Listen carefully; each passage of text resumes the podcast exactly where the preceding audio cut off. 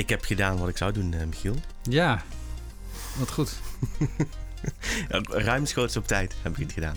Ja, maar in het plaatjesmakers-universum bestaat wel tijd, maar toch in een soort heel ander...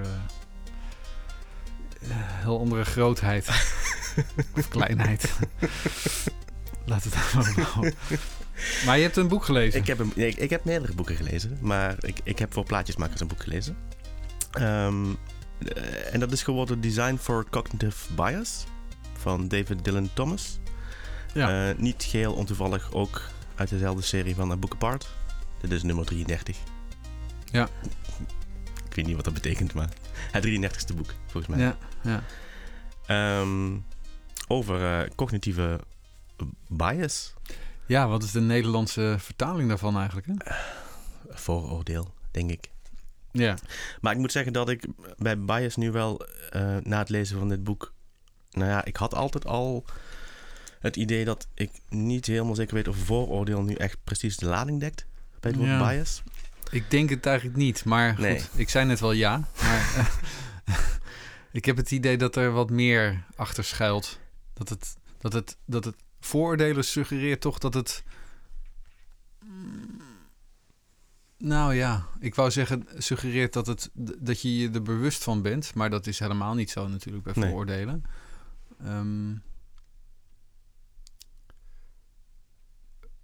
maar bias. Ja, ja, ik kan niet echt uitleggen. Misschien is het. Het zou wat meerdere aspecten kunnen bevatten dan vooroordelen. Ja. Vooroordelen lijkt toch iets Um, nou ja, daar is het boek ook wel goed in. En, en uitleggen welke aspecten het allemaal heeft. Ja. Um, want even goed misschien om te benoemen. Uh, je hebt bias, uh, maar dit boek gaat specifiek over cognitieve bias. En um, David Dylan Thomas zegt er in krap 100 bladzijden heel veel over. Mm um, maar in de kern komt het eigenlijk neer op dat hij cognitieve bias uh, noemt hij. Um, het gaat eigenlijk over, over keuzes maken, zegt hij. We maken de hele dag door maken we keuzes. En we zijn geneigd te denken dat we dat op heel erg rationele manieren doen. Ja. Dat we altijd heel erg wel overwogen tot een keuze komen. We zijn ook heel erg goed in achteraf uitleggen dat we dat gedaan hebben. Ja. Um, uh, maar dat uh, we maken zoveel keuzes dat we eigenlijk um, uh, zo van kleine duimregeltjes opslaan in ons brein. Uh, die soort shortcuts zijn. Ja. Uh, die het wat behapbaarder maken. En dat helpt ons heel erg, juist. Alleen soms zijn er vooroordelen of soms zijn er bepaalde shortcuts die tot eigenlijk, nou ja, je zou kunnen zeggen foute keuzes, of in ieder geval keuzes kunnen leiden die niet heel erg logisch zijn.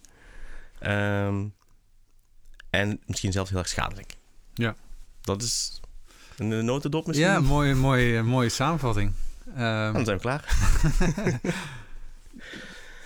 um, nee, maar dat, dat linkt nog... Volgens mij hadden we daar in die vorige boekbespreking over... Um... Design for the Real World? Ja, hè? Ja, dat was hem. ja. ja. hij wordt nog genoemd door hem als... Uh, dat is een boek dat je moet lezen. Oh ja, ja, dat zag ik inderdaad ook staan. Nou ja, eh, in ieder geval in, in de vorige boekbespreking over Design for the Real World was dat de titel? Vertel verder, ik zoek het. Um, nou, in die vorige boekbespreking... Uh, daar stipte dat volgens mij... Design for Real Life. Ja. ja. Uh, daar ik kan me herinneren dat we daar toen ook even over hadden. Over, of tenminste dat het daar in dat boek ook wordt genoemd. Dat het veel te veel zou zijn voor je brein om al die microbeslissingen te maken. Dus het is heel logisch dat er inderdaad van die kortere paadjes worden aangelegd. Ja. Om omdat je gewoon niet alles kunt. Ja, je, het is gewoon een manier van efficiëntie van je lichaam of van je brein om dat mechanisme in te zetten, zodat je niet overal over hoeft na te denken. Nou ja, daar heeft hij in het boek ook nog wel regelmatig over. Dat we, we, we zijn ook heel erg geneigd om dingen die gemakkelijk zijn of uh, dingen die, um, waar we dus niet al te lang over hoeven na te denken, dat krijgt de ehm, voorkeur. Dat krijgt de voorkeur. Ja, dat vinden we lekker. En dat is, dat is biologisch waarschijnlijk ook ergens... Dat zeg ik nu, geen idee, maar het klinkt heel erg logisch dat dat... Um, dat het ergens ook wel een, een, een nut heeft. Um, maar het boek gaat dus juist over uh, bewustzijn over waar die automatische keuzes, misschien beter geen automatische keuzes zouden moeten zijn. En je eigenlijk ehm, toch wat langer nadenkt over wat, wat weet ik hier nog niet over, wat impact kan hebben op specifiek in het designproces het, het, het ontwerp dat ik, dat ik hier maak. En daarmee dus ook op het leven van mensen. Ehm, en dat doet hij, ik vind het ergens heel erg knap. In minder dan 100 bladzijden um, overweldigt hij je met allerlei voorbeelden um, waar bias plaatsvindt. En hij deelt dat eigenlijk op in drie domeinen. Het eerste uh, is bij de gebruiker. Het tweede bij de stakeholders, dus in het designproces. En het derde uiteraard bij, bij jezelf. Um, en ik, ik, heb hem dus echt een kwartier geleden uitgelezen. Dus ik ben een beetje aan het bijkomen van wat ik net allemaal gelezen heb. Maar welk van die uh, onderdelen sprak je het meest aan? Of waar stonden dingen in, waar stonden de meeste dingen in die je zei, uh, waarvan je dacht van wow, dit is echt, dit raakt echt uh, iets dat ik nog niet wist? Of, Ja, het stuk dat. Met het gevaar dat.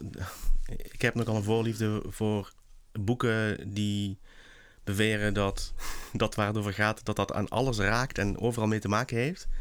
Uh, en dat doet dit boek dus best wel. Mm -hmm. Alles is bias, zeg maar. Um, ja, waar komt dat dan door? Dat, dat, dat, komt, dat komt vooral omdat, omdat hij er heel. Door die vele veel, voorbeelden? Ja, met heel veel verschillende dingen erbij haalt. Waardoor uh. ik soms ook denk, ik ga daar helemaal hard op, maar ik, ik soms ook denk van. Um, als je misschien wat minder thuis bent in de onderwerpen waar hij over schrijft, dat het ook wel een beetje als los zand kan voelen van hoe, hoe gaat dit wat je nu schrijft nog over bias? Hmm. Um, um, dan moet ik eigenlijk een goed voorbeeld geven. ja, het boek staat dus echt vol met goede voorbeelden.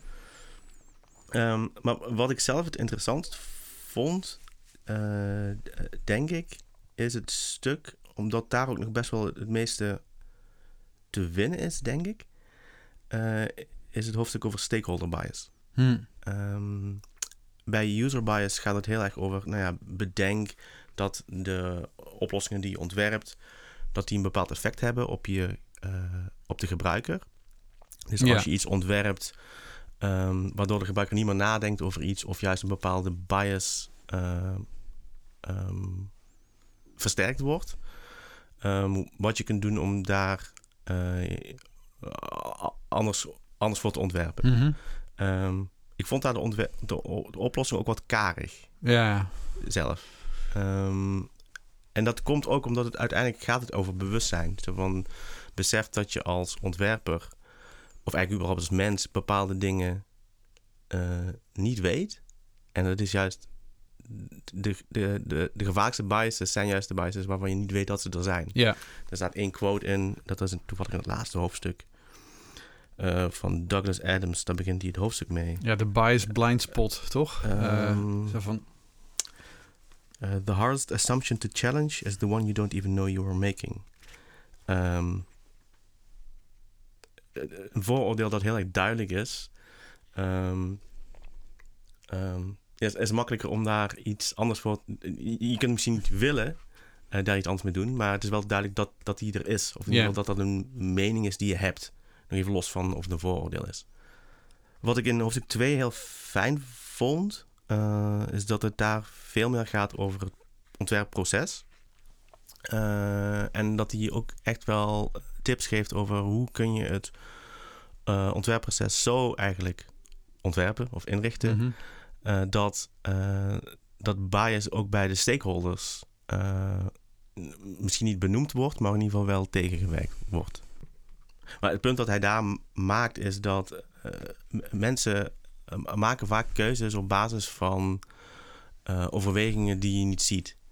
Um, en dat het juist in het ontwerpproces dan, zelfs als je uh, samen hebt afgesproken: dit is het doel dat we, uh, dat we willen bereiken en zo willen we er komen. Mm -hmm. dan, en dat herken je natuurlijk, dus ik herken dat heel erg in, in, in, in ontwerpprocessen. Dat het gaandeweg dan toch kan gebeuren dat er op een gegeven moment ga, je een beetje van dat pad af en dan worden ja. er toch steeds wat vaker of in ieder geval dat ligt op de loer dat er steeds wat vaker keuzes worden gemaakt waarvan je denkt van waarom wordt deze nu gemaakt? Of dat je ook aanvoelt van hey, hier, hier is iets anders aan de gang. Of hier, hier speelt iets anders. En dat hoeft natuurlijk niet alleen Ja. maar geld te zijn of hoe mensen financieel gecompenseerd worden. Dat kan ook te maken met bepaalde politieke belangen binnen de organisatie. Of, en daar heeft hij het dan heel erg ook, ook over. Over hoe. Maar hoe kun je dat dan, hoe kun je dat dan mee dealen? Zegt hij daar iets over? Ja, hij heeft ehm, ehm, verschillende. Even kijken hoor, ik moet hem even erbij halen. Want dit is dus wel wat er gebeurt. Hij benoemt zoveel. Ehm, Ja, ik kan me herinneren dat het in dit hoofdstuk ook ging over ehm, dat je bijvoorbeeld kunt nadenken over hoe je bepaalde meetings organiseert. ja, En eh, eh, wat mij bijstond is eh, een voorbeeld van een meeting waarin dan twee verschillende partijen normaal gesproken in een heel traditionele opstelling zaten van de, de mensen die eh, de kennis hebben of die moeten oordelen, die zitten keurig eh, in een rijtje naast elkaar Ja. en de rest zit in, in, in, in de zaal. Eh, en dat dat dan in dit voorbeeld had iemand gezegd van nee, laten we dat anders gaan inrichten. Laten we gewoon iets meer organisch of laten we die de ruimte anders die- letterlijk. ja, echt letterlijk de ruimte anders gebruiken en die hiërarchie ook een beetje uit de indeling van die ruimte halen, zeg maar. Ja. Ehm, en, maar ja, dat vond ik dan typisch een voorbeeld van ja, maar eh, een beetje zo anekdotisch of zo. Van ja, hoe maar- vaak ge- gebeurt dat nou? Dat je daar dat dat dan een, een oplossing is voor Het je, de- stakeholder bias. Nee, maar het voelt ook als de kerst op de taart. Want hij noemt het ook echt aan het einde van het hoofdstuk als... Hm. hij- hij- hij zegt letterlijk... ehm, moet ik even kijken of ik hem erbij kan halen. Nou, hij heeft een paar voorbeelden van... hoe kun je ervoor zorgen dat stakeholders... eh, zich niet laten leiden door... onbewuste keuzes die ze maken. Dit is, een, dit is anekdotisch, maar... Even better than convincing your stakeholder that your idea is right... is convincing them that your idea was their idea all, all along. Ja, dat, dat stuk, ja. Um, a good way to do this is to give your stakeholders the tools and the framing to arrive at the conclusion on their own. Dat voelt bijna manipulatief of zo. Ja, ja, en dat had ik ook in die andere hoofdstukken wel een beetje hoor. Maar goed, dat, eh, dat je eigenlijk, oh, je, je snapt nu hoe bias werkt, dus dan ga je dat manipuleren of zo. ja maar- maar, de, maar de, de, de andere kant van de medaille is, is dat als je dat niet doet, dan, dan heeft de, bias zo een negatief effect. Ehm, dus dus Hmm. zijn punt is ook dat je het eh, kunt gebruiken voor In, good, zeg maar. ja, dus- in, dus- in dus het voordeel. Ja. Ehm, want heel vaak wordt bias juist ingezet eh, voor het gewin van een individuele stakeholder of de organisatie. En dan, is het, dan, dan, dan gaat het niet meer over wat goed is voor de gebruiker of voor degene voor wie het ontwerpt. Ja. Ehm, Nou. Maar dat argument om, of dat idee om de opdrachtgever of de stakeholder eh, zelf te laten uitkomen bij de oplossing die je hebt bedacht, dat heb ik ook wel eens in andere contexten gehoord. Niet Ja. per se in de context van bias, maar ik snap wel dat hij het erbij haalt, want het is natuurlijk, ja, het raakt daar wel aan. En omdat, het, Ja, omdat maar- dit boek over bias gaat, staat dit voorbeeld het- erin. Het Maar benoemt ook zo dat, dat en, en en misschien is het daarom doe ik het eerste hoofdstuk ook wat te makkelijk eh, af als, nou ja, ik vind het een beetje all over the place.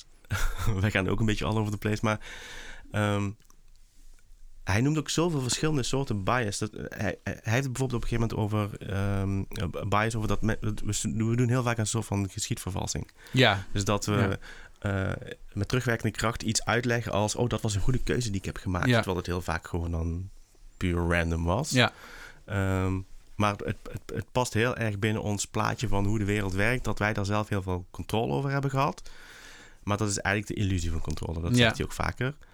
Ehm, we praten heel veel goed. we praten ja. heel veel goed eh, van dingen die goed zijn gegaan, die claimen we als dat zijn goede keuzes die je hebt gemaakt. En dingen die minder goed zijn gegaan, dat, is dan vooral, dat ligt dan vooral aan externe factoren. Ja,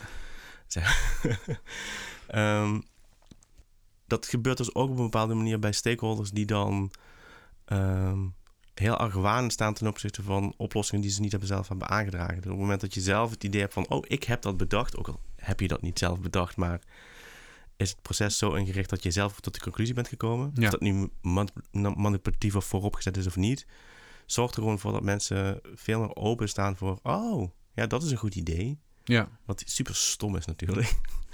Ehm, maar, maar zo werkt het wel, kennelijk. ja. Het is een vrij cynische take, maar ehm, als je dat toch los... Hij geeft een paar voorbeelden van wat je kunt doen om toch om te gaan met hoe ehm, stakeholders dan vaak keuzes maken. Hij zegt hier bijvoorbeeld dat um, één gaat over angst. En dat is dat we ehm, in het maken van keuzes eh, vaak juist de voorkeur geven boven iets behouden dan het risico om iets te kunnen verliezen. Ja. Uh, dus het helpt vaak niet om als je een design presenteert om dan te zeggen van dit is wat je er allemaal mee wint. Um, omdat ze vaak toch de neiging hebben om te willen wijzen op de dingen die ze zouden kunnen verliezen. Vooral als het iets is wat, altijd, wat anders gaat dan hoe zoals het altijd al ging. Ja. Dat is nog iets wat u noemt, dat, dat mensen heel vaak zo van zekerheid zoeken. Ja. Um, en ze gaan we heel hard op, op zekerheid. Ook al is het de illusie van zekerheid. En de dingen doen zoals we ze altijd al doen, is een soort zekerheid. Um, en benoemen, hey, als we het anders zouden doen, en dat zouden we kunnen doen door A, B, C en D, dan zou je dit allemaal winnen. Daar staat nog steeds tegenover, ja, maar dan verliezen we wel dat we het nu hebben en dat is zekerheid. Ja. En wat hij dan zegt is, dan helpt het om juist te benoemen, als je dit idee niet doet, dan zou je het volgende kunnen verliezen. Of dan zou je dat kosten. Ja. Uh, dus eigenlijk een soort van omdraaien en niet het, het beloofde positieve landschap, maar juist van, stel je voor je doet het niet, dan is dit het doemscenario dat je te wachten staat. Ja. Ja. Dat klinkt ook een beetje manipulatief of heel negatief. Nee, maar, Maar, dat, dat, komt omdat mensen over het algemeen gewoon, ja, hij noemt het risk averse, mensen die mijden risico's. Ja. Vaak. En mensen zijn ook minder goed in staat om ja, over de toekomst na te denken uh, dan over het verleden. Tenminste, dat komt ook... Dat zegt hij ook ergens, ja. ja. Ergens in die honderd ja. Nou ja, dat idee van dat we we hate losses more than we love wins, uh, dat komt ook natuurlijk terug in gebruikersonderzoek. Dus dat we, um, als je een gebruikersonderzoek doet, dan is het vaak de positieve dingen die gezegd worden.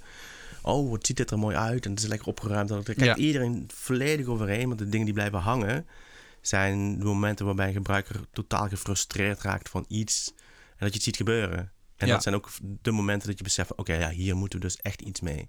Ja. Dat is eigenlijk hetzelfde principe. Maar wat ik daar ook interessant bij vond, is dat het volgens mij ook ging over dat gebruikers niet altijd de waarheid vertellen. Of dat ze niet altijd Klopt. in eerste instantie. eh, eh, zou je ook makkelijk conclusies kunnen trekken als je niet doorvraagt in bepaalde situaties. Ja, misschien ook weer een open deur. Maar dat je dat gebruikers ook in een onderzoek niet altijd zeggen wat ze Nee, maar- denken. Nee, maar dat en dat, dat, ja. eh, ja, dat je daar ook waakzaam op moet zijn. Dat je soms moet vragen van... hey, eh, je kiest nu dit, maar heb je ook nog getwijfeld over een andere keuze bijvoorbeeld... om te achterhalen wat, daar, wat, wat erachter zat... in Ja. plaats van dat ze gewoon eh, geneigd zijn goed, goed te praten... wat ze nu als laatste hebben gedaan. Dat, is, dat is denk ik eigenlijk wat het boek nog duidelijker maakt als het al niet duidelijker was. Dat, dat, dat is toch eh, les 1 in gebruikersonderzoek dat je moet kijken naar wat mensen doen en hoe ze reageren. En niet zozeer wat ze zeggen. Ja, Want dat, dat, Ja. dat vertelt hij wel. Mensen. Hij maakt er vaak ook grapjes over. Dat hij zegt van ja, eh, ik, ik weet niet.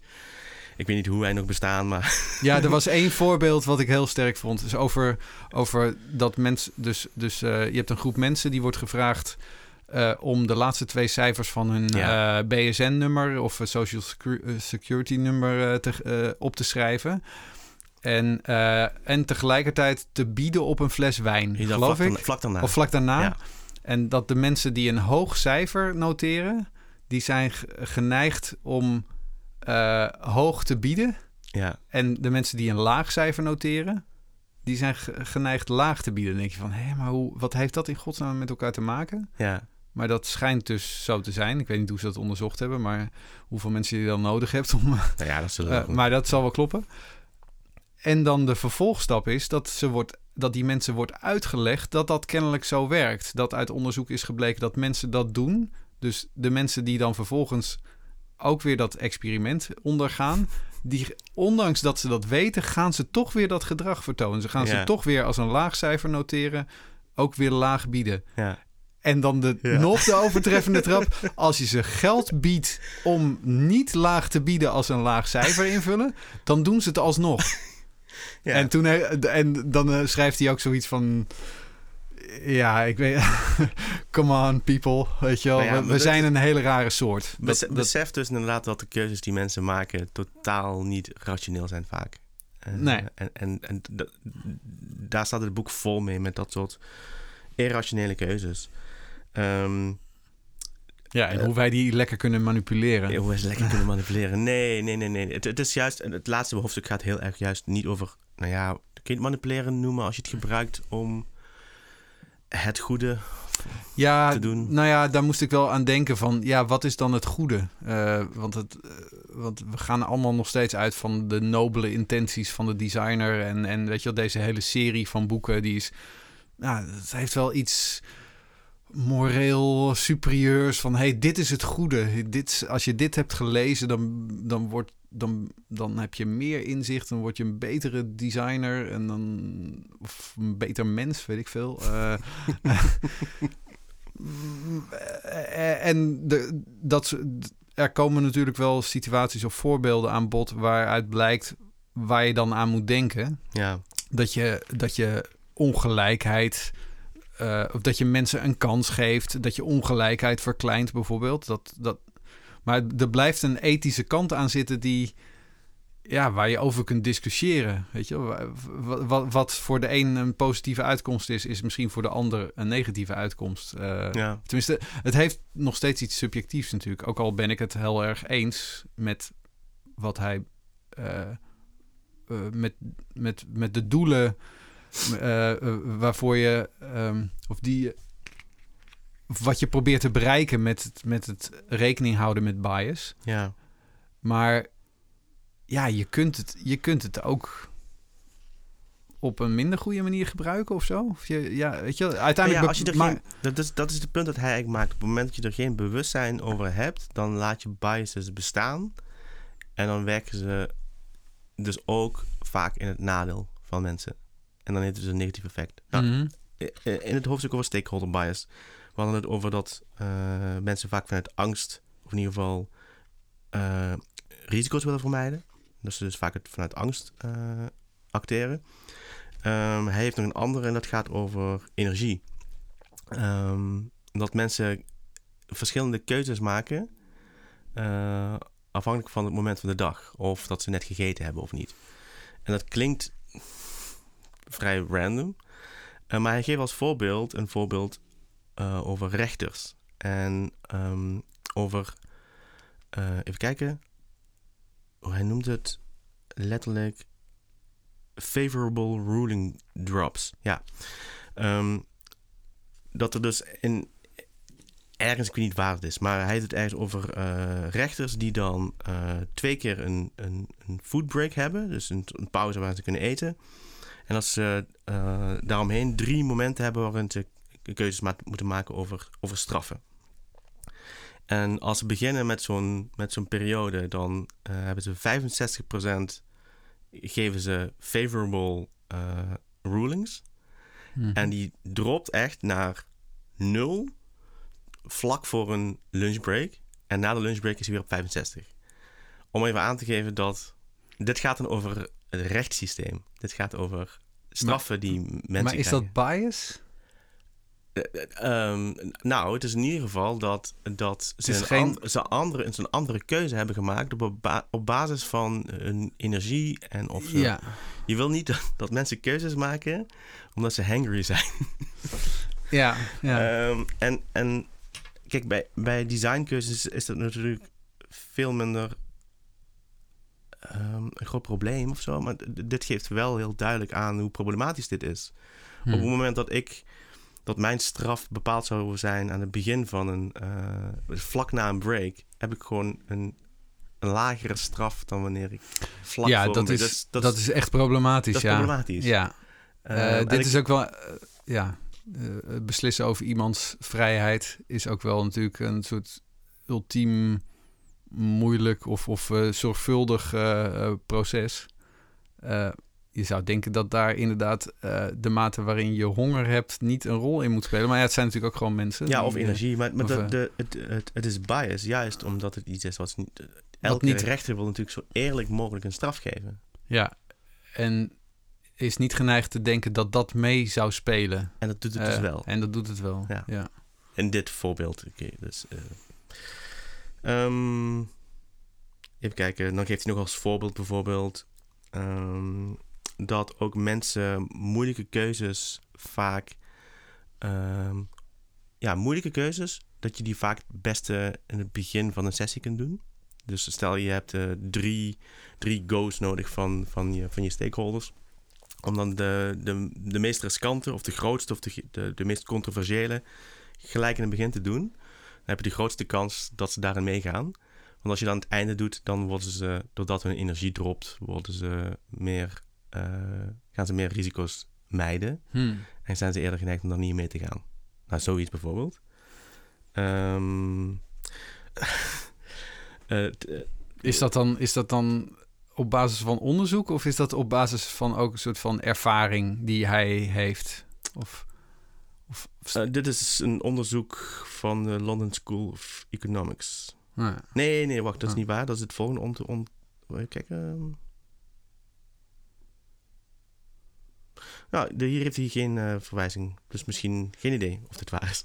Nee, nou ja, het, dat het, zijn het, het kan natuurlijk ook, het kan natuurlijk ook gewoon ervaring zijn die hij heeft opgedaan. En, eh, maar dat is, dat is wel een beetje de, de, de meer anekdotes Sure. zijn een beetje verweven met Klopt. echt, ja, dit is echt een onderzoek. Eh, nou ja, het onderzoek dat maar- gaat juist over dat eh, mensen over het algemeen grotere risico's willen nemen. En daar gaat het, dat is wel een onderzoek aan het begin van de week. En ook weer aan het einde van de week. Maar niet in het midden van de week. Dus als je bijvoorbeeld een, een, Hm. een presentatie hebt of je, moet een, je hebt een go nodig op, op een ont- ontwerp of iets dergelijks. Is eigenlijk dus ook zijn advies. Doe dat juist het begin van de week of aan het einde van de week, maar niet in het midden van de week. Hm. Dat is wel echt een onderzoek. Eh, Interessant. Ehm, hij haalt er ook nog bij dat bijvoorbeeld als mensen met een referendum, of bijvoorbeeld, bijvoorbeeld toen mensen moesten gaan stemmen voor de Brexit, dat was op een donderdag. De meest conservatieve dag van de week. Hm. Ehm, nou ja, en dan, dan heeft hij als derde nog, ehm, naast inderdaad ehm, risico en energie, heeft hij de manier waarop je samenwerkt. En hoe je daar in bias eigenlijk tegen gaat. En dan is de manier waarop je je ruimte, letterlijk de ruimte inricht, is een voorbeeld daarvan. Ehm, maar hij geeft er nog wat andere voorbeelden van over hoe je eigenlijk die samenwerking het beste kunt vormgeven, zodat je de meeste bias eruit haalt. Ja. Het eerste is, dat gaat eigenlijk heel erg over framing. Ehm, hij noemt dat you get the conversation you design for. Ehm, als je bijvoorbeeld een ontwerpsessie doet of een brainstorm en hij geeft hier een voorbeeld van. eh, stel je voor, je, je, je doet een foto van een, een oude persoon achter, een, ehm, achter het stuur. En je stelt de vraag: eh, Should this person drive this car? Dan krijg je een discussie die gaat heel erg over beleid. Over is het eigenlijk überhaupt wel ethisch om iemand dan nog te laten rijden? Is het überhaupt ethisch om de leeftijd van iemand in. eh, ehm, hoe noem je dat? Eh, Bepalend te laten zijn? ja, of- of, is het niet discriminerend? Om dan, dat moet hij toch zelf weten of hij dat wel of niet kan. Kun je dat zien aan een foto, hoe oud iemand is en of iemand kan rijden of niet? Je krijgt dat Ja. soort discussies. Heel erg bepaald door de vraag die gesteld wordt Ja. en wat er getoond wordt. Ja, en eh, hij zegt trouwens ook dat fr- eh, framing, ehm, dat dat de, zo'n beetje de gevaarlijkste eh, bias is die er bestaat. ja, ja. Dat er echt ontzettend veel in, in taal eigenlijk opgesloten zit. Eh, hij zegt dan al, stel je zou een andere vraag stellen, namelijk how might this person drive this car? Dan krijg je al veel meer eh, vanuit een soort van menselijkheid van, oh, wat kunnen we bedenken, zodat het in ieder geval voor deze persoon mogelijk wordt dat hij deze, of zij deze auto kan besturen. Ja. Ehm, en dan een stap verder nog, en dan kom je een beetje in design sprint-achtige eh, eh, situaties. Ehm, zou je hem nog kunnen omschrijven naar een soort how might we vraag en die wat universeler is. En dan wordt het how might we improve the way we move people around. Waardoor andere suggesties en alternatieven als eh, openbaar vervoer opeens ook een optie worden. Ja.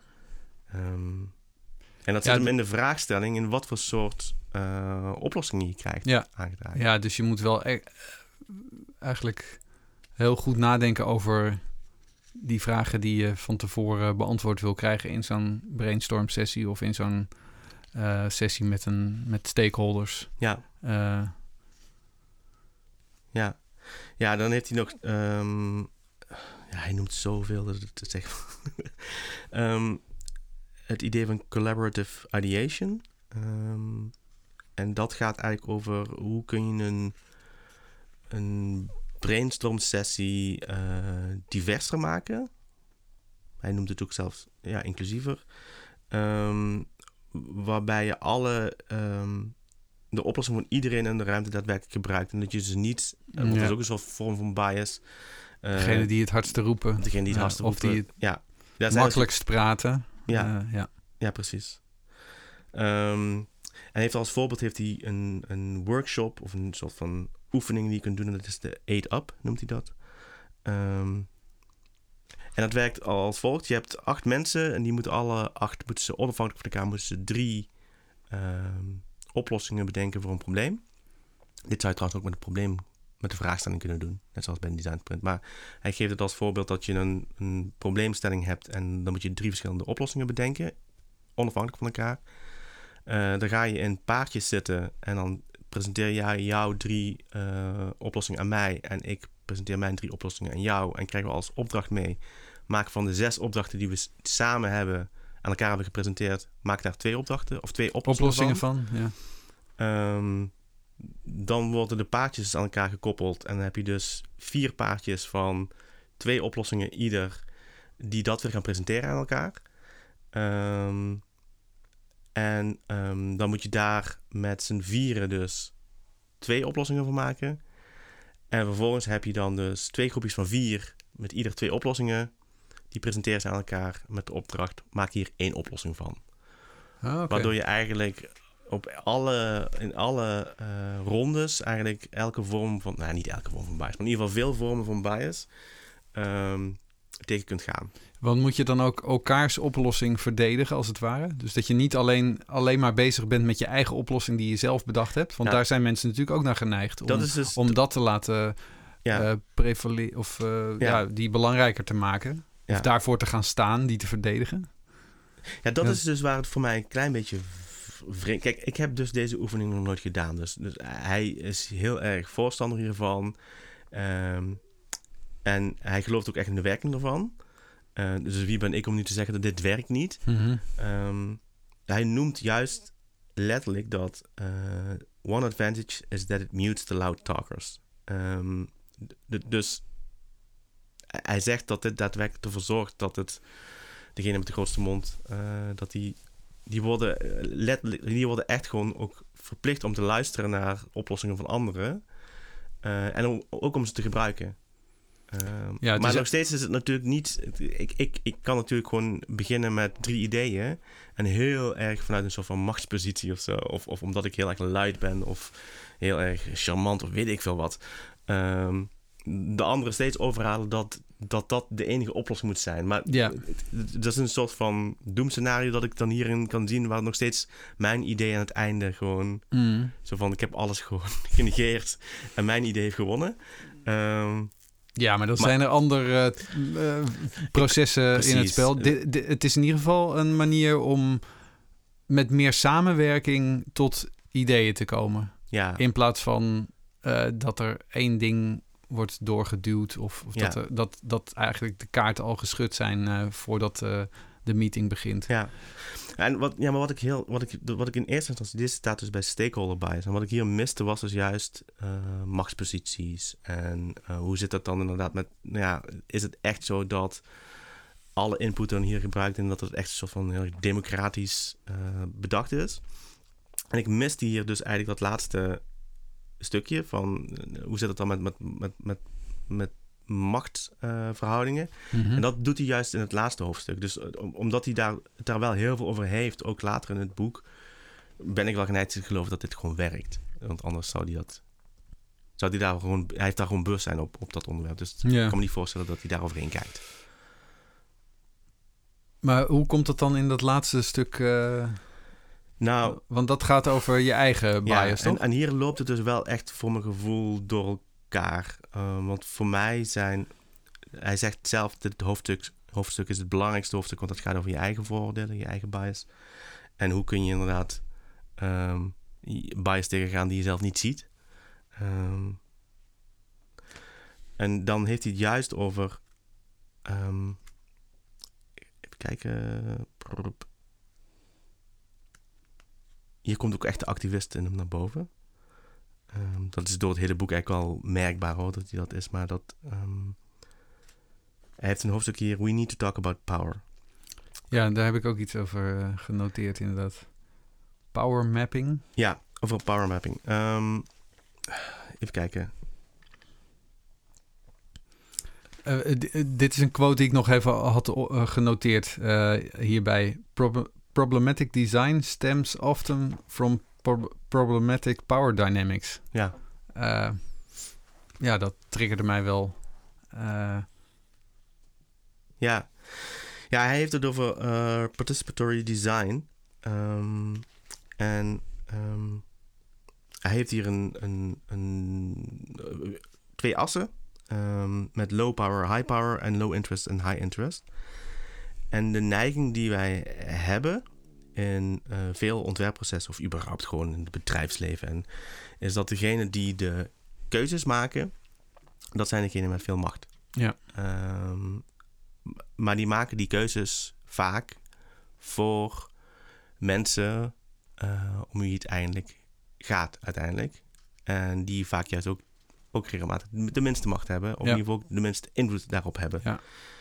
En dan kun je zeggen, ja, democratie en je hebt stemrecht, bla bla bla bla. Maar ja, die mensen die beslissen zitten helemaal rechtsboven in dat kwadrant. Ja. En de mensen die, waar het eigenlijk over gaat, die er heel veel belang bij hebben, maar weinig macht hebben, die zitten helemaal onderin, rechtsonder ja. ergens in het... Uh... High interest, low power. Ja.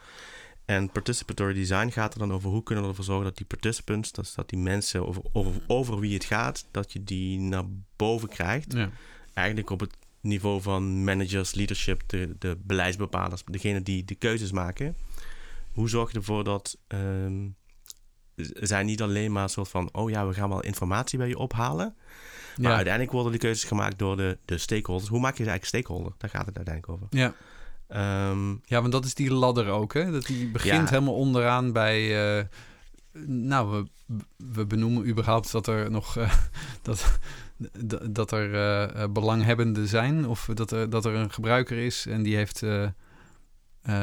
ja, wat, wat, wat, wat schreef je nou bij die onderste? Ja, het, ik, ik vind het sowieso wel mooi hoor, die public participation goal. Um, a pledge to the public. Um, jeetje. Um, inform, consult, involve, collaborate en empower. En bij inform zegt hij... We will... Oh ja, inform. Dat is de meest... we, we vertellen wat we aan het doen zijn, of zo. Ja, toch? Ik, ja, ik, ik uh. kon er ook... Ik, had dus... Ik kreeg, toen ik dit zag, moest ik steeds denken aan de, de, de persconferenties tijdens de pandemie.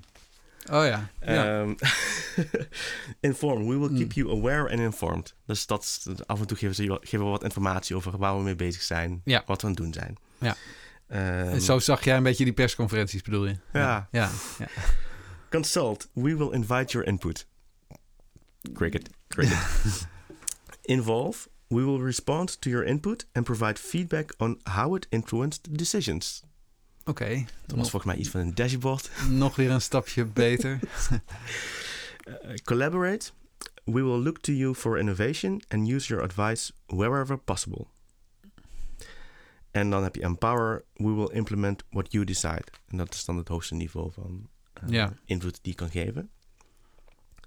Um, maar is nou het doel om, of tenminste pleit hij dan voor, hey, je moet echt boven in die ladder gaan zitten, want daar, dat is, dat is waar um, Waarmee je dan uiteindelijk dus die personen waarvoor je het doet, uh, waar, waarbij je die meer macht geeft en dus, dus een, een beter eindresultaat of een beter product of een beter. Uh, uh, ja, dus, dus beter communicatie. Uh, nou ja, het, er staat hier een, een Latijnse uitspraak. Voor mij is het Latijn. Ik, ken, ik spreek Latijn. Ik ga het ook niet proberen uit te spreken.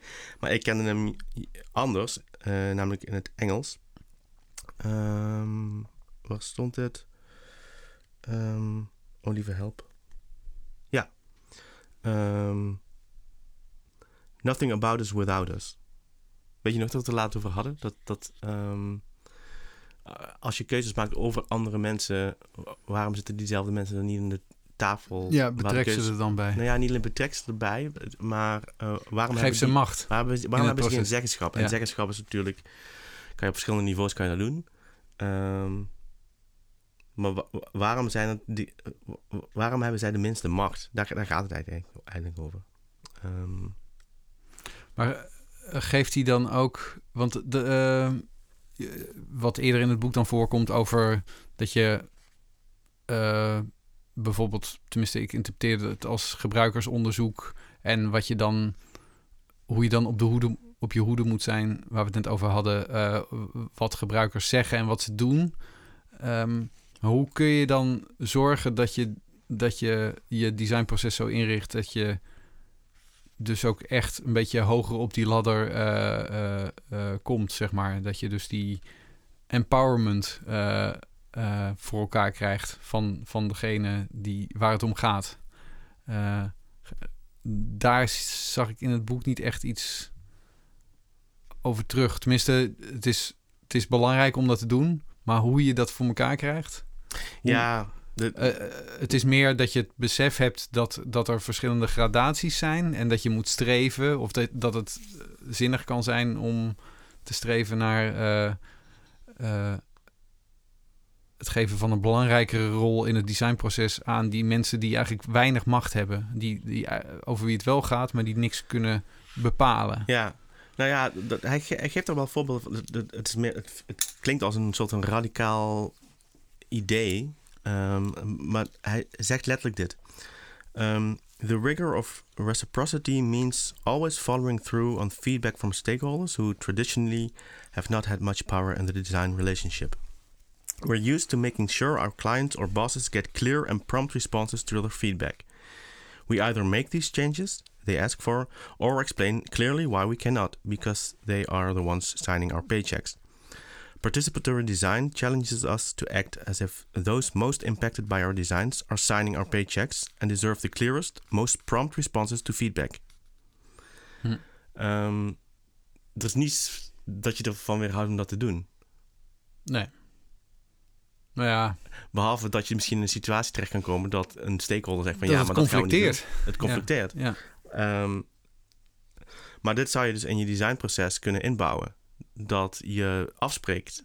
Uh, dit staat niet in het boek, hè, maar, mhm. maar je zou dus kunnen afspreken met de traditionele stakeholders. Dat je bijvoorbeeld uh, um, mensen in de groep van stakeholders stopt. Of degene die. die um, Zo'n gebruikerspanel of zo. Ja, of, of de, de, mensen met geleefde ervaring over het, over het onderwerp waar het over gaat. Ja. Um, dat die daar medezeggenschap over hebben. Op een of andere manier. En dat hoeft, dat, ja, dat hoeft misschien niet helemaal bovenin te zijn. Uh, maar we kunnen in ieder geval wel een beweging maken naar boven. Dat het niet alleen maar informeren ja, is. Maar ja. dat, dat ze op verschillende plekken in het designproces uh, daar iets over te zeggen hebben. Of dat hun input gewaardeerd wordt. Um, en dat daar ook daadwerkelijk iets mee gebeurt. En ja. zoals hij zegt, van dat als, als daar niks mee gebeurt, of dat dat, dat, dat verloren gaat, ja, we nemen het mee. Um, dat je daar ook toch weer over uh, in gesprek gaat over waarom dat dan zo is. Net zoals je met een traditionele stakeholder zou doen. Ja. Ja, het je hebt een nog grotere verantwoordelijkheid eigenlijk. Ja. Uh, en, en, het lijkt me gezond dat je dat niet soort van parallel doet. Zo van, dit doen wij en we, en we vertellen dan de betalende partij daar niet over. Maar dat je het juist daarbij betrekt. Um, ja, het lijkt nog steeds een beetje alsof dat dan vooral in het belang is van de designer en niet zozeer in het belang van andere stakeholders. Uh, ja, dat is ook misschien een beetje het lastige aan het begrip stakeholder. Want, want waarom zou het alleen in het belang zijn van de designer? Nou, dat, nee, ik zeg niet dat dat zo is, maar de, die suggestie wekt het misschien een beetje. Om, zo van alsof het conflicterende belangen zijn tussen de stakeholder die de paycheck betaalt en uh, de designer die wil graag degene die het product gaat gebruiken een, een stem geven in het beslissingsproces. Hmm. En degene die, die, uh, die vaak traditioneel gezien beslist, de, degene die de opdracht geeft, die alsof het niet in, in, in dienstbelang is om dat te doen. Ja, maar dat is traditioneel gezien natuurlijk ook niet. Tenminste, vanuit een heel erg oude gedachte van eh, wie, wie, wie betaalt bepaalt. Het vraagt natuurlijk ook wel bij de opdrachtgever. Ja, nee, maar daarom zou je kunnen zeggen dat dit niet alleen een boekje is voor designers. Zeker. Weet je wel? Dat, dat is eigenlijk dat mijn is, punt. Dat is sowieso. Eh, dit, dit is, dit is, het boek heet Design for Cognitive Bias, maar David Dylan Thomas is helemaal geen designer. Hij is contentstrateeg. Dus, Ah, ja. dus het, Ja. ehm, je moet design denk ik ook wel heel erg breed zien. Ja. Ehm, Ja, het is misschien ook de bril waarop ik er naar gekeken heb, hoor. Of tenminste, eh, en jij waarschijnlijk ook. Of tenminste, zo, zo zitten we er hier ook over te praten natuurlijk. Maar, nee, maar dat, dat, dat was een gedachte die me te binnen schoot van... hé, hey, maar dit is niet een designer ding. Dit is gewoon voor iedereen die in het proces zit... en die veel macht heeft, traditioneel gezien... eh, die moet zich dat realiseren. En niet alleen een designer. Dan wordt een soort idee van... de designer gaat even zeggen dat het... eh, Daar zijn we eh, sowieso goed in als designers. nou ja, ja, maar dat het hele proces anders moet en dat we, eh, dat, dat we gebruikers erbij moeten betrekken, eh, is helaas wel vaak zo dat, dat dat dat een beetje de rol is die we hebben, dat we daarop moeten wijzen. Heb ik het wel eens het idee dat, dat we daar eh, ehm, meer voor zijn dan soms andere stakeholders in een project. Om ook echt aan gebruikers te vragen wat ze ervan vinden. Ja. Laat ik zo zeggen. Het is niet het, het- is niet standaard dat dat gebeurt. Maar eh, Het, het, het- ja, het is maar net door welke bril je het bekijkt. dat is ook een bias, hè? Ehm, ja, ik, ik, ik be- besef me ook dat dat allemaal een beetje...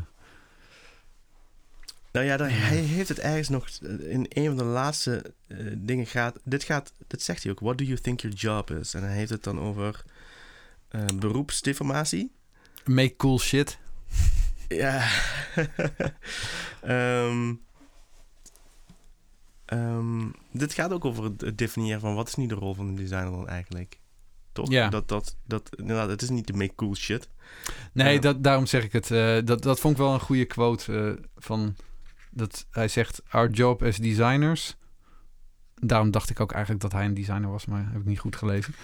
Our job as designers is not simply make cool shit, but we have to find a way to define our jobs in a way that allows us to be more human towards one another.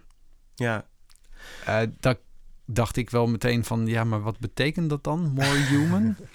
Want ik vind het wel mooi klinken, maar ja, dat is ook best wel aan de interpretatie van iemand onderhevig. Van wat, ja, het, het, want ik heb daar wel een beeld bij, maar misschien... eh, nou ja, is, eh. is, is winst, is dat more human? Dat- ja, precies. Nou ja, dat, maar dat is, dat is een allerlaatste. Hij zegt ook: Thank you for coming to my TED Talk. Hij beseft dat hij veel gezegd heeft. Ehm, hij zegt hier: Profit is not a necessary ingredient for good design and never has been. En dat is Ja. natuurlijk wel iets waar design is.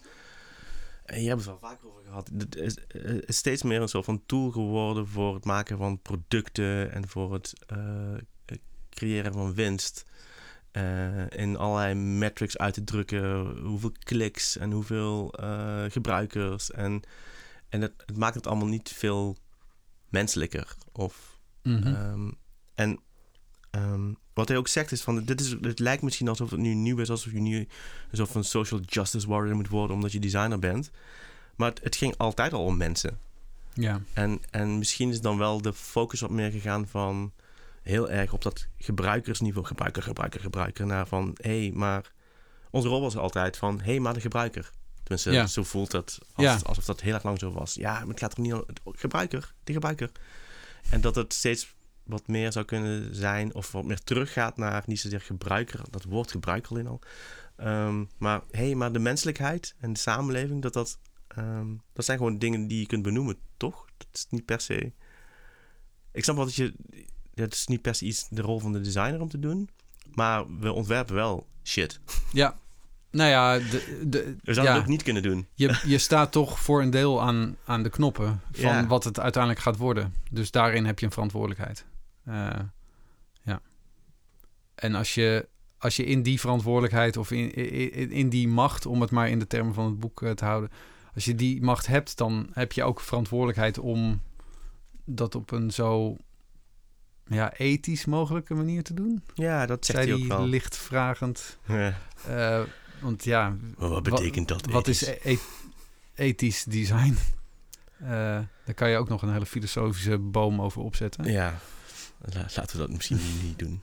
Ehm, maar het, het, voor mij begonnen we met dat het gaat over bias, gaat over de manier waarop mensen keuzes maken. Ja. En dat vond ik wel mooi. Hij eindigt zelf met van, en die link legt hij zelf voor mij niet eens. Misschien deed ik dat zelf. Ehm, je, hebt een, je hebt dus als designer ook gewoon een keuze. En dat is van, wil je bewuster kijken naar hoe de manier waarop mensen keuzes maken en vooral de, de, de brakke manier waarop dat gebeurt. Ja. De niet eh, rationele manier waarop dat gebeurt, terwijl we wel heel vaak zeggen dat het zo is en dat is gewoon echt niet zo. Ehm, kun je daar met wat meer nieuwsgierigheid naar kijken naar hoe dat daadwerkelijk gebeurt. Dus Ja. en bij gebruikers en in het ontwerpproces en bij jezelf. Ehm, om zo tot mooiere en betere oplossingen te komen. Dat is een keuze die je kan maken. Dat Mooi, mooi gezegd. Want eh, ja, dat, dat vond ik uiteindelijk wel het mooie, of het goede aan dat boek. Dat dat me wel. eh, dat, dat, die, die vragen die stelt hij heel duidelijk. Of tenminste, die. ehm, hij. eh, daarin prikkelt dat boek heel erg om daarover na te denken. En omdat er eh, best wel veel van die voorbeelden in staan waarvan ik eerst dacht van. Oké, daar gaan we weer met allemaal random all over the place voorbeelden. Maar toch zijn ze me wel weer bijgebleven. Dus dat Ja. werkt dan wel. En, ik, en inderdaad, die, die eh, eh, toestand waarin je zit als je met ontwerp bezig bent, dat je alles probeert logisch te beargumenteren. Van ik doe het zo, want eh, die andere opties, daar zitten die en die nadelen aan. En, en eh, dit is de taak die er, eh, die er volbracht moet worden met dit stukje in een applicatie of zo. En daarom, weet je, je bent de hele tijd met, met een soort van rationaliteit bezig, denk je. Ja, Maar ja, de- dit boek werpt daar wel een ander licht op. Zelfs over je eigen proces. Ja. hoe je dat doet. En natuurlijk eh, ehm, het wat grotere plaatje van het hele designproces. eh, eh, en waarin je bias tegen kan komen. En hoe je daarmee om kan gaan. ja. En die paradox van dat je het vaak niet ziet. Dat is natuurlijk op het moment dat je dat al goed ingeprent hebt, dan ben je er misschien toch iets gevoeliger voor. ja. Dan ben je toch iets nieuwsgieriger naar andere kanten van het verhaal. Ja, misschien iets dat, dat hij zal het vast zelf ook gezien hebben. We hadden het ook over, ehm, misschien wel mooi om mee af te sluiten, Ehm, over, ehm, toen was ik nog het boek aan het lezen en toen zei ik van ja, ik vind eigenlijk de manier waarop hij het allemaal opschrijft. Hij zegt ook letterlijk, je hebt een keuze en ik hoop dat het je juist helpt en je niet overweldigt. Terwijl het boek is best wel overweldigend in alle voorbeelden die hij geeft. En ja, wat je zegt van all over the place. En nu gaan wij het vervolgens in een podcast erover hebben. En gaan we all, all over, the place, Dat daar, is van ook, van, daar van alles van vinden. ja, Dus misschien is deze podcast ook niet de juiste vorm om dit te doen. Dan was het heel veel beter in een soort van artikel geweest of zo. Maar dat gevoel bekroop me dus ook bij dat boek. En daar hadden we het net over. Ehm, ik heb een keer een, een presentatie van hem gezien. Of in ieder geval, dat was ehm, volgens mij tijdens de eerste lockdown. En toen zat hij in soort van Zoom-call met een collega. En toen vertelde hij hierover. En ik weet niet meer of zijn boek net uit was of dat hij nog aan het schrijven was. Mhm. Eh, maar ik weet nog dat ik het aan het kijken was en ik dacht van... Oh, wauw, dit gaat over alles. En wauw, wauw. En, en zo heb ik het boek niet gelezen. nee, En dat is, dat is best meta, want hij, dat besefte ik op het moment dat ik een stukje aan het lezen was. Dat ging over dat, hoe informatie eh, opgeschreven wordt. Ja, we net over. precies, Dat ja. als het veel tekst is, Ja. eh, dat mensen nog even los van hoe het geschreven is, dan al denken van, oh, dat is waarschijnlijk te ingewikkeld, laat maar. Ehm, en dan geeft hij voorbeelden van hoe dat beter kan. Dus dat, is, dat je het beknopt erop schrijft, of dat je met pictogrammen of met plaatjes. Ja. En dat mensen dan veel eerder geneigd zijn om het dan te gaan lezen. Is dat ook nog biased? Ja, kennelijk. Ik ben even vergeten waarom. maar ehm, dat, dat, dat deze vorm, dus het boek misschien ook niet de allerbeste vorm is om dit tot je te nemen. Dat het misschien veel beter werkt in een, weet ik veel, TED-talk van een kwartier.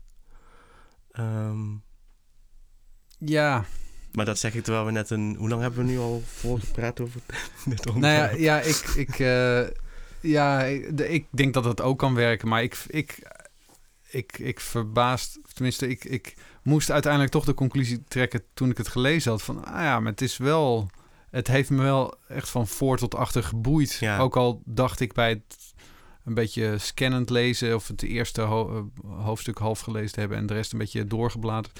Ik dacht van, oh, weer zo'n boek met allemaal van die voorbeelden en eh, je probeert het toch een beetje in een soort van hokje te stoppen voor jezelf van, oké, wat kan ik ervan meenemen? Wat is de takeaway? Wat is de, weet je wel? Je probeert het een soort van eh, meteen alweer. Ja, ja, ja. En dat is ook misschien de mindset van nu, dat het gewoon, ehm, dat je op zoek bent naar een soort hele korte, snappy versie van dit boek.